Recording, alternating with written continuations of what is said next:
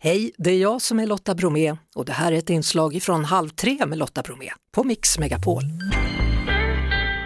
Och vi konstaterar att antalet födda barn i Sverige är den lägsta på 16 år. Det visar ny statistik från Statistiska centralbyrån, SCB.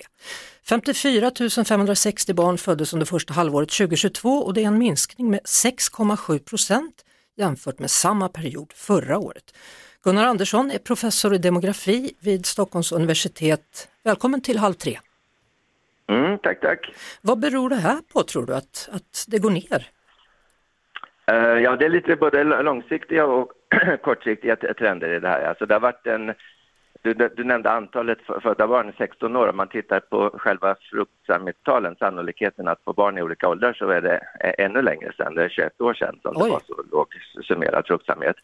Så det är både att det har varit en lite långsiktig nedgång av fruktsamhetstalen som tidigare inte har riktigt synts eftersom de här stora födelsekorterna som föddes på 80 och början av 90-talet kom mm. in i, i barnafödande åldrar Sådär. Men det har varit en, en, en, en trend en längre tid. Och sen har det bubblat till lite kraftigare lite svängningar här de senaste åren och det beror både uppåt och neråt och det beror på olika pandemieffekter. Sådär. Ja, för jag tänkte så här att nu måste väl ändå siffrorna gå upp här när det har varit pandemi, för vad har folk egentligen ja. haft för sig hemma, tänker man.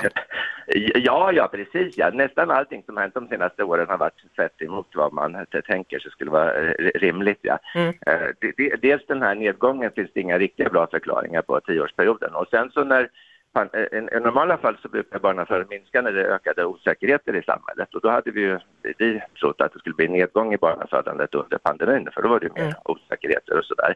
Men då blev det istället lite uppgång i barnafödandet. Mm. Men sen när man tittar på strukturen där så kunde man se att det var framförallt andra och tredje barn. Så, där. så det var personer som var hemma under den perioden och så då hade man lite extra tid att och skaffa sig ett barn som ändå redan var planerat. Så här. Ja. Och sen så eh, efter då när, när, när pandemin är slut och eh, vaccinen har dragit igång så så upphör den där tillfälliga lilla uppåteffekten mm -hmm. och sen så hoppar den ner. Men precis, ja, jag, även om jag har jobbat med de här siffrorna i många årtionden så så jag också varit förvånad i varje hopp i kur kurvorna. Ja. Det är jätteintressant. Är Ja, jag förstår det. Där sitter du, din professor, och går kollar ja. på staplarna upp och ner och diagram och streck. Ja, du. Hur, hur ser det ut, i, hur ser det ut om, om vi jämför då Gunnar med andra länder i Europa? Hur ser det ut då? Ja, just det. Den här lite långsiktiga trenden med nedgång, den har varit likadan i alla länder som har haft relativt höga nivåer på barnafödande. Mm. det har vi haft i de nordiska länderna tidigare och även i anglosaxiska länder och nordväst i Europa. Så har man haft samma sån här långsam nedgång som man har inte riktigt kunnat förklara. Och sen under pandemin så har det varit också uppåt och neråt och lite månad för månad. Men då kan man se att mönstren ungefär är likartade mellan mm. olika länder. Och sen är det inte alla länder som har lika fin statistikproduktion och lika snabb statistikproduktion som vi har i Sverige så att man kan se de underliggande mönstren lika, lika effektivt som vi kan.